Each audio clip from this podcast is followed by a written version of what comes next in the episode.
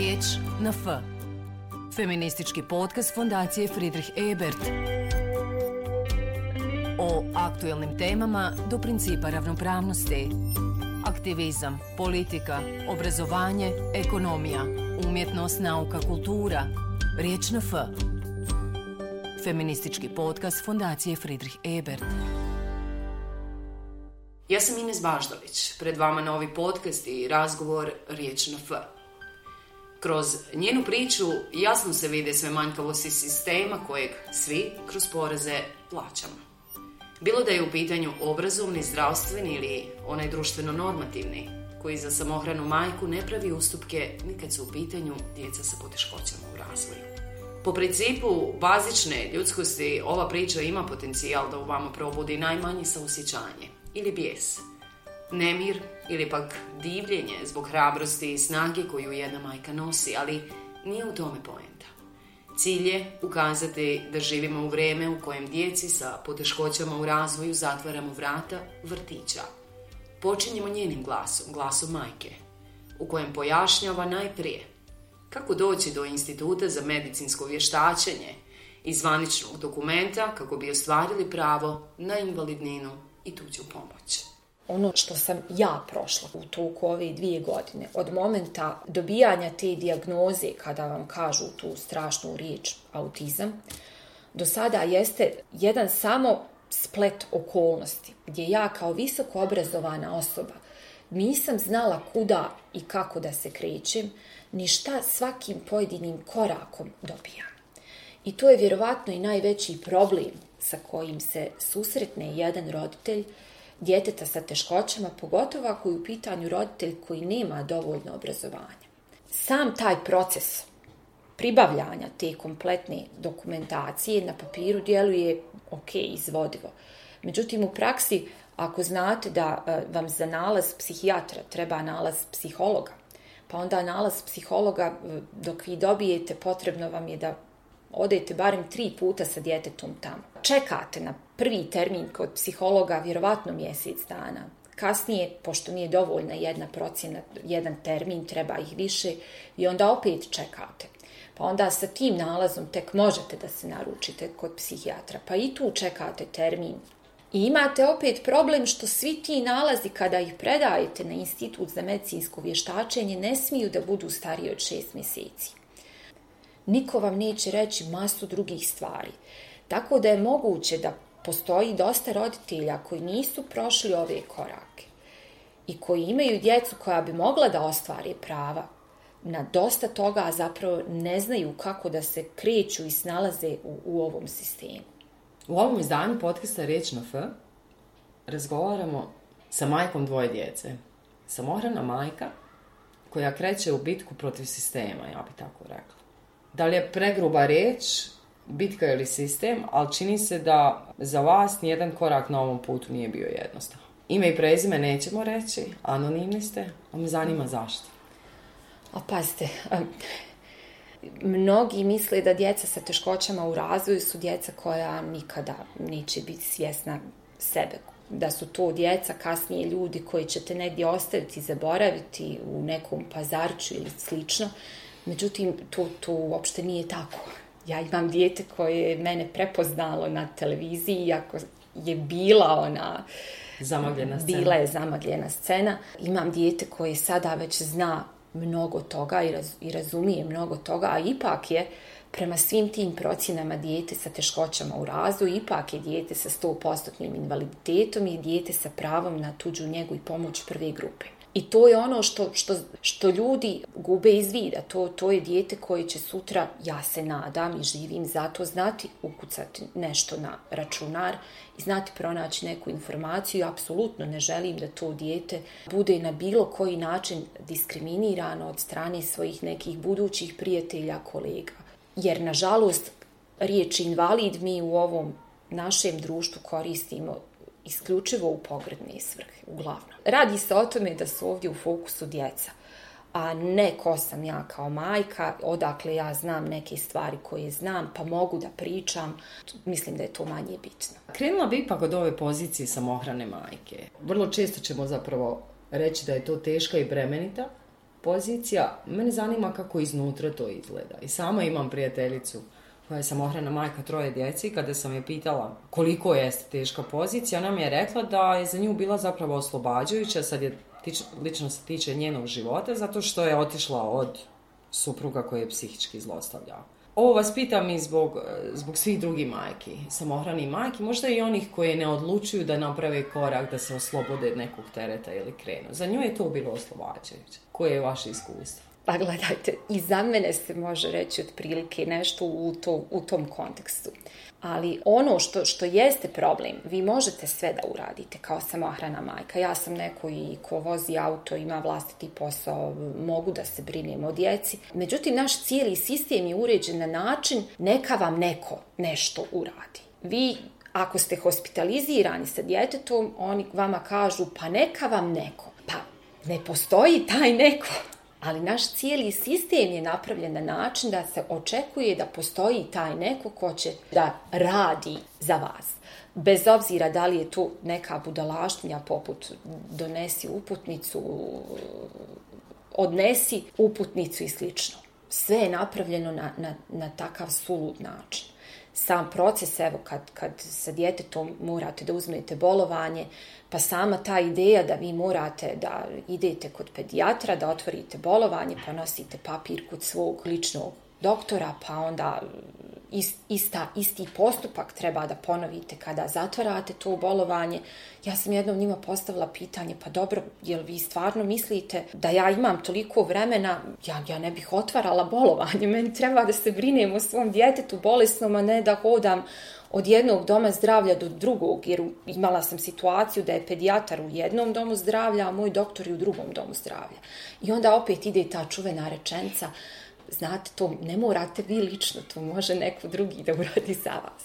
Povod ovom razgovoru jeste vaša životna okolnost, a to je majka ste dvoje djece sa poteškoćama u razvoju, koja ne uspijeva, evo već drugu godinu, da ih upiše u zakonski obavezan odgojno-obrazovni sistem u vrtić. Možete li samo kratko nas uputiti u cijelu priču? Tehnički ja sam njih upisala na oba konkursna roka jer i prošle godine taj konkurs, u njemu je pisalo da se djeca upisuju pod jednakim uslovima i u javne i u privatne ustanove, da je roditelj taj koji bira između javne i privatne ustanove. Djeca sa teškoćama u razvoju na papiru dobijaju čak bodove posebne za upis i vi njih upišete. Ali vam niko ne kaže da vaša djeca neće moći da pohađaju tu ustanovu u koju ste ih upisali. I ove godine se desilo zapravo isto. Tehnički ja sam njih opet upisala, opet i taj konkurs rekao da roditelj je taj koji bira da se djeca upisuju sva djeca pod jednakim uslovima i u javni i u privatni vrtiće. Ove godine da absurd bude veći, mi smo čak dobili 20 dodatnih bodova temeljem postojanja preporuke Centra za socijalni rad. Ali situacija je ove godine čak i gora, jer evo vrtić čak nije zaključio ni ugovor sa nama u cijeloj toj priči nastavak jeste da ste se odlučili podnijeti krivične prijave protiv a, privatnog vrtića i Ministarstva za odgoj i obrazovanje kantona Sara.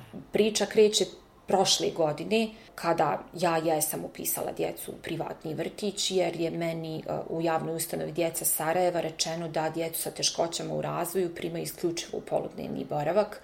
Ministarstvo se nije oglašavalo po tom pitanju tada uopšte na sve moje upite, mailove nisu odgovarali. Tako počinje sve to. Upute koje sam pismene dobijala od ministarstva su išle od onog eh, mi ne finansiramo stručni kadar u privatnim ustanovama a ja njih ne pitam uopšte to.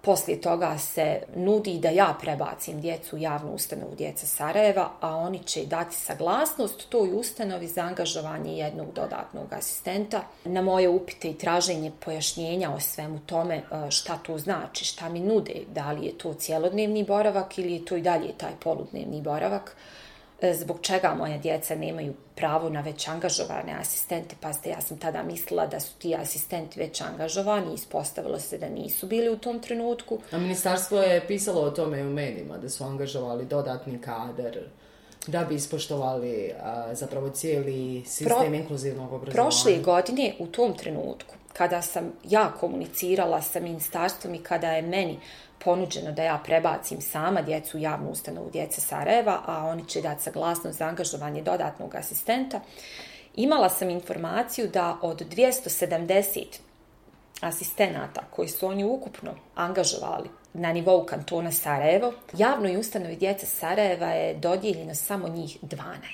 Pritom je ministarstvo u jednom izjašnjenju ombudsmenima navodi da imaju već u javnoj ustanovi djeca Sarajeva 110 djece koja pohađaju individualno prilagođene programe, a tu su nam djeca sa teškoćama u razvoju, što znači da su oni još u maju kada su dali saglasnost javnoj ustanovi djeca Sarajeva da angažuje tih 12 asistenata, planirali da je za to 100, 110 djece dovoljno 12, a ono što su i oni sami navodili jeste činjenica da u njihovim standardima i normativima stoji da jedan taj asistent optimalno radi sa dvoje djece, a maksimalno sa četvero djece. Pa prosta matematika, da ne bude da ja sada ovdje sabiram i množim, e, dovest će vas do zaključka na koji način je to planirano.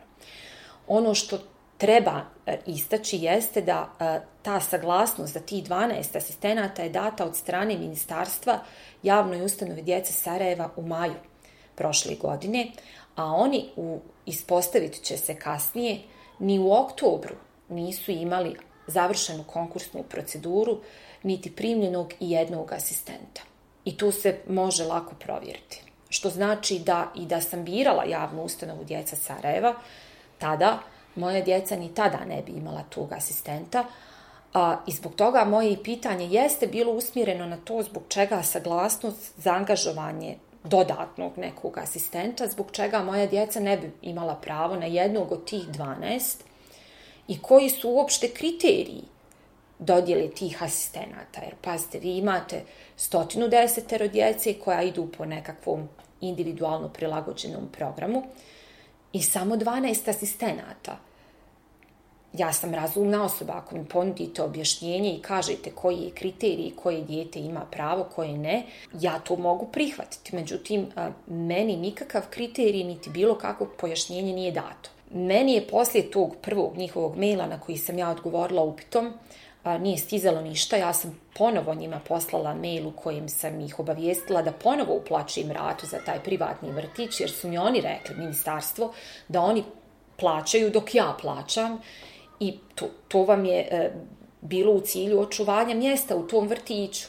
Ponovo ih pitam, niste mi ništa odgovorili. Ni na to ne stiže odgovor, stiže tek antidatiran dopis u kojem oni ponavljaju isto. Dakle, da ja prebacim djecu, a da će oni dati saglasnost za angažovanje jednog dodatnog asistenta. Pa ste, to je kao da komunicirate sa, sa mašinom. Imam osjećaj automat tamo kad nazovete na zapadu, pa um, da će vas bolje uputiti nego, nego ovo ministarstvo. Jer na svaki moj upit ne stiže zapravo odgovor, stiže ponovljena ista rečenica. Dakle, da ja e, ispišem djecu iz privatnog vrtića, da ja snosim rizik da nema mjesta, potpuno svjesna da je svaki njihov dopis antidatiran, pa čak ima i, i mjesec dana kod nekih. A oni će dati saglasnost javnoj ustanovi djece Sarajeva da angažuje jednog dodatnog asistenta. I pojašnjenja na to nema.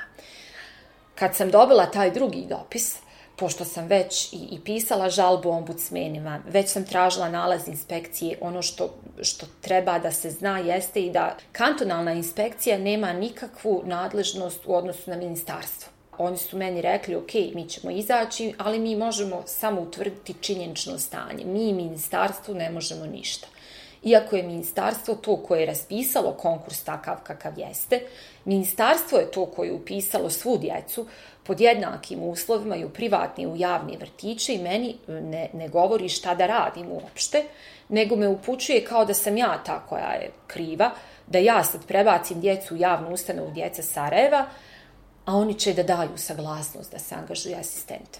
Ja sam tada pozvala javnu ustanovu djece Sarajeva, razgovarala uh, sa jednom gospođom, ime sam i navela ministarstvu u, u, kasnije u opomeni pred tužbu, koja mi je rekla da to ne dolazi u obzir dok asistent ne bude angažovan. Pazite, e, ljude koji rade direktno sa djecom, kada zauzmu takav stav, ja ne mogu da krivim, jer ja znam da je e, za tu moju djecu potreban asistent, da to nije napisano bez veze i da jednostavno ta teta, ta odgajateljica nije supermen.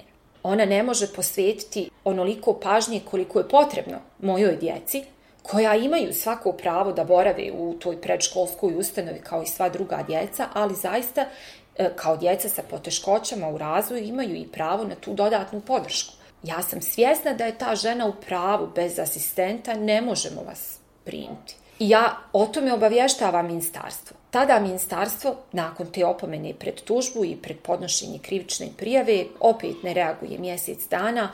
Mi smo umeđu međuvremenu zaista i podnijeli krivičnu prijavu. Dobijamo dopis koji su oni uputili prije toga i privatnim vrtićima gdje oni njih obavještavaju da su oni ti koji su dužni da obezbijede asistenta. E sad pazite ovo. Ako su to zaista bili dužni da urade privatni vrtići, zašto to ministarstvo nije reklo u septembru, na početku prethodne školske godine. Jer ja sam redom nazvala sve te privatne vrtiće, od svakog sam dobila isti odgovor.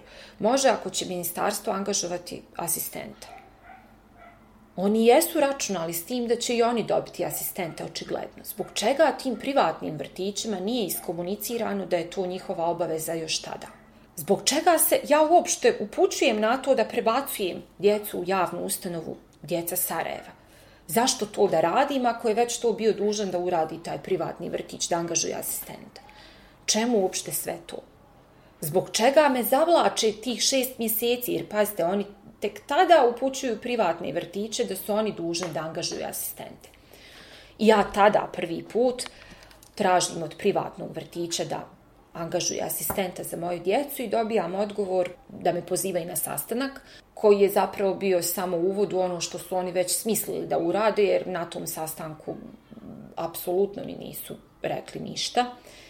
Dobijam od njih onda pismeno da oni raskidaju ugovor. Ja njih tada upozoravam da oni nemaju pravo na raskid ugovora samo temeljem toga što oni neće da izvršavaju svoje obaveze, da su oni bili dužni da znaju šta je njihova obaveza, jer ja kao roditelj nisam dužna da poznajem propise iz oblasti predškolskog odgoja i obrazovanja, a oni kao predškolska ustanova su bili dužni to da znaju i da i prema zakonu o obligacijonim odnosima nemaju pravo na to i obavještava ministarstvo da, da ću svoje prava zahtijevati sudskim putem. Tada se ne dešava dalje ništa, tada tek slijedi ta tužba. Tužbom se traži mjera osiguranja. Odnosno, se tužba, asistenta. Tužba jeste za diskriminaciju, ali je cilj te tužbe je zapravo, pored naknade štete koja je ogromna, ali ono što, što je suštinsko jeste spriječiti dalje uvećavanje štete. Riječ na F. Feministički podcast Fondacije Friedrich Ebert. Ako kontaktiramo struku, oni će reći da djeci od 3. do 6. godine eh, je najveći plasticitet mozga. Kada se s njima može najviše uraditi, pogotovo je to važno za djecu sa poteškoćama. Pa se postavlja pitanje kako će šteta biti nadoknađena? Nikako. Nikako. Pazite, taj iznos u toj tužbi eh, to je toliko smiješno malo. Mislim da svaki roditelj razmišlja na način, ok, da mi date milion maraka, šta meni to vrijedi ako sutra zbog ovoga što ste uradili moje dijete neće da bude svjesno sebe, jer posljedica može da bude to. Moja djeca na sve terapije na koje sam ih odvela i na ovo malo adaptacije što su im dali da provire u taj privatni vrtić, su toliko pozitivno reagovala da bi tolike pomake imamo, da zaista kad krenete da razmišljate o tome, to toliko boli da biste čupali kosu, bacali stvari, ali onda kažem sebi, ok, smiri se, ne, radiš sve što možeš i moraš jednostavno, mor, moraš sama sa sobom raščistiti, jer ćeš inače poluditi. Ali to toliko boli da vam, da vam ja ne mogu to opisati. Kakav je to osjećaj? Pogotovo taj osjećaj kad vi od ministarstva dobijate tako drzak i bezobrazan odgovor koji vam zapravo kaže da kao znamo mi to o čemu vi govorite. I onda vas upute da i kroz zdravstveni sistem se osigurava ta podrška. I onda ja njima napišem kako vas nije stid da se pozivate na zdravstveni sistem iz kojeg ste dobili vrlo jednostavnu uputu koja kaže uključite tu djecu u vrtić odmah što prije uz asistenta u, u nastavi. a vi to ignorišete. Već drugu godinu. Već drugu godinu, da. Jer ovdje nije sporno ni da je potreban asistent uopšte, barem kroz, e, do sada, kroz sudski postupak, kroz to prvo ročište na kojim smo bili, nije sporno da je potreban asistent. Sporno je ko će to da plati. A onda se to maskira na razne načine, ministarstvo to objašnjava time što oni nisu osnivač te ustanove, E, prikriva se iza zakona koji ne kaže, zakon ne zabranjuje da oni finansiraju asistenta. Zakon ne zabranjuje da oni to regulišu na neki način kako je to e, regulisano u zemljama okruženja. Ja ne mogu da vjerujem da sam ja dovedena u poziciju, a zaista jesam, da tužim i ministarstvo i vrtić i da se oni preko leđa moje djece prepucavaju šta je čija obaveza ko treba to da uradi. Imate tu vi onda prikrivanje na način da vrtić ne smije da ide protiv ministarstva, pa onda pišu da oni općento nemaju e, stručnih lica, pa onda e, nije u interesu djece da, da idu kod njih, jer za Boga negdje drugo bi im bilo bolje, da vi imate osjećaj kao da su vaša djeca neka bomba koju vi hoćete da spustite njima i oni bi svi samo da je, da je baci dalje od sebe. Inkluzija, princip inkluzivnog obrazovanja prisutan je, barem evo sad kroz deklarativnu podršku zapravo, resornih ministarstava obrazovanja u cijeloj Bosni i Hercegovini, ali nekako mi se čini njegova najveća vrijednost što se ide ka tom individualiziranom pristupu, znači od pojedinačnog ka univerzalnom, gdje bi svi mi imali kao društvo koristi trebali bi da imamo da se to radi na pravi način. Ja vam mogu ispričati jedan e, lijep e, primjer kod svoje prijateljice gdje njen dječak koji e, u Hrvatskoj, on nije dijete sa teškoćama, ali ide u razred sa drugim dječakom koji je sa teškoćama u razvoju gdje ona kaže da je to jako lijepo jer djeca su onda svjesna da postoje i takva djeca, odnosno takve osobe. I nije im onda poslije kroz život kada idu čudo, kada vide takvo nešto. Jer mi moramo da priznamo da mi ovdje jesmo živjeli život na način da mi ne viđamo takvu djecu i da mi čim vidimo nešto, nešto drugačije, nama je to čudno. Jednostavno za, za nas ti ljudi zaista i jesu ta djeca bili izolovani. I onda ih drugačije posmatramo. Izgrađeni smo na način da ih automatski diskriminiramo. Jer smo nesvjesni njihovih mogućnosti i njihovih potreba i njihovih kvaliteta. Podijelite s tama kvalitete vaše djece, koji su vam najdraži. Pazite, e, e, teško je govoriti o svojoj djeci, meni, meni su moja dječica nešto najdivnije na ovom svijetu, nikada ih ne bih mijenjala za bilo koje drugo djete. Uh, e, oni su savršeni jednostavno takvi kakvi jesu. To, to su djeca koja su nadarena i muzički. To su djeca koja su spretnija od mene, fizički su spretniji od mene. Oni se popenju za čas na bilo koji komad namještaja kao dvije mačkice. Ta moja djevojčica, on, ona, je, ona tako brzo razmišlja da recimo meni se dešava da, da hoću neku stvar da stavim i meni to pada, ona to na brzaka uzme i smjesti tako da to, da to stoji i ostane kao ono mama kako si smotana. Tako da, da s te strane kao roditelj ja i kako vidim kvalitete i, i čak e, razmišljam da bi barem ona sigurno mogla da završi fakultet, da bi barem ona mogla čak da, da bude jedna od e, boljih u svojoj generaciji. Onda sam dovedena pred taj zid gdje se njoj zapravo ne dozvoljava da, da uopšte boravi sa drugom djecom. Pa činjenica jeste da je toj mojoj djevojčici oduzeto pravo da ima prijateljicu ona ne zna šta je prijateljica. Njoj je prijateljica njena divna logopedica. I ona svaki put prije nego što ide kod logopeda mene ispituje gdje smo bili, e, gdje, gdje sam joj šta kupila, da, da bi mogla njoj da prenese. Da joj ispriča gdje je bila, šta je radila, gdje, gdje je šta. Jer to je jedina prijateljica koju ima. Podrška koju imate, to me zanima u sistemu vidim da je ne, ne prepoznajemo svi. Pa od, od sistema teško je govoriti o bilo kakvoj podršci. Zapravo ja, ja se zaista borim protiv sistema. Jer ovo jeste bitka protiv, protiv sistema. Sistema koji iznalazi raznorazna opravdanja samo da ne uradi ono što, ono što je dužan da uradi. da nemam majku živu, pitanje je gdje bih ja i šta bih ja sa, sa tom djecom. Jer niko vas ne pita kako ćete vi, šta ćete vi. Pa u, u susjednim zemljama majka može da ostane, moguće i otac, na porodinskom do peti godine života. Kod nas, koliko ja znam, takvo nešto ne postoji. Drugo, vas niko ne pita imate li auto, vozite li, ko će da plati to gorivo. Vi u drugim, u susjednim zemljama, koliko ja znam, imate i, i neki iznos za gorivo. Imate drugačije riješeno ovo pitanje parkiranja osoba sa invaliditetom. Sada jeste napravljen pomak u smislu da, da su kazne povećane za osobe sa invaliditetom. Ali osvrnite se po Sarajevu koliko uopšte ima takvog mjesta. Koliko uopšte ima tih mjesta? Mi imamo generalno problem sa parkingom. Poseban problem imaju osobe sa invaliditetom. Jer nije nama samo potrebno parking mjesto ispred nekog centra u koji ćemo da uđemo jednom ili ni jednom sedmično. Nama je potreban pristup našim domovima. Potreban nam je pristup e, predškolskim, školskim ustanovama.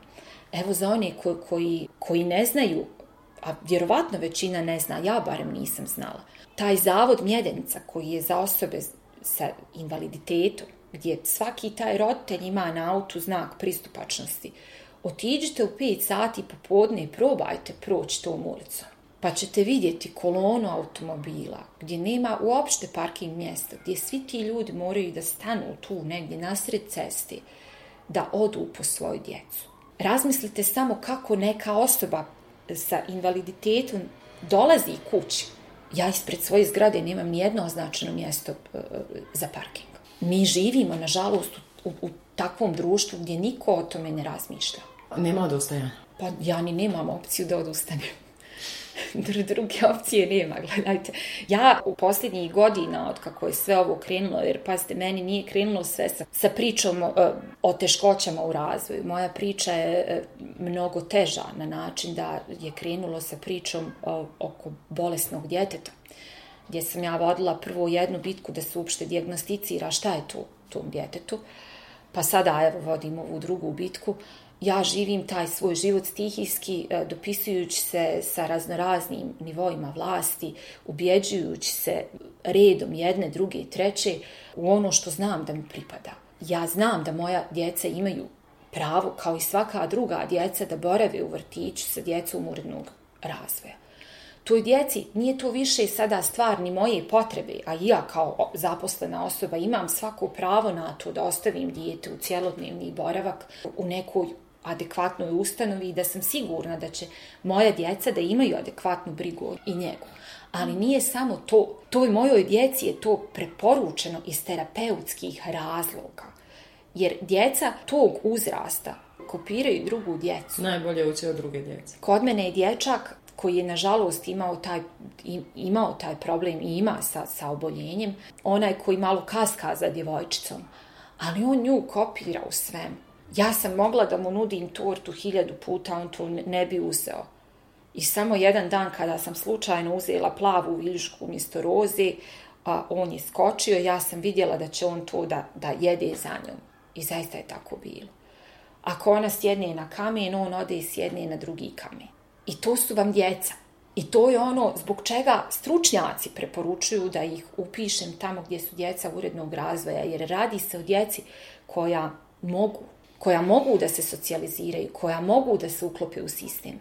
Niko ne razmišlja na način da evo ovo ministarstvo i ova država na ovaj način proizvodi zapravo korisnike zavoda Pazarče, za koje već unaprijed zna da nema novca da ih finansira. Ja ne znam da li je iko postavio pitanje otkud nama toliko osoba sa invaliditetom, otkud nama toliki porast djece sa poteškoćama. Zašto se to zaista tako dešava? Mislim da niko ne razmišlja o tome. Mi se bavimo posljedicama, uzrocima vrlo rijetko. Pa, pa upravo tako. Ono što ja znam iz nekih zemalja zapadne Evrope i, i općenito zemalja Evropske unije, ta briga o djeci zaista počinje kao rana intervencija. Na određene vremenske periode roditelji su obavezni da dovode dijete, da se vrše određene provjere, da se vidi napredak djeteta i da se dijete onda usmjerava A vi ovdje ne možete da kod nalaza doktora koji vam je napisan da dijete treba da ide u vrtić, da to treba što prije da se desi, iz terapeutskih razloga vi ovdje ne možete u sva svoja nastojanja da to obezbijedite. I nikoga ne zanima koliko će to na kraju da košta nas. Riječ na F. Feministički podcast fondacije Friedrich Ebert. Uz ironiju poigravamo se stereotipima s kojima se patrijarhat obračunava sa feminizmom, želeći da mu oduzme političku relevantnost. Riječ na F. Feministički podcast fondacije Friedrich Ebert.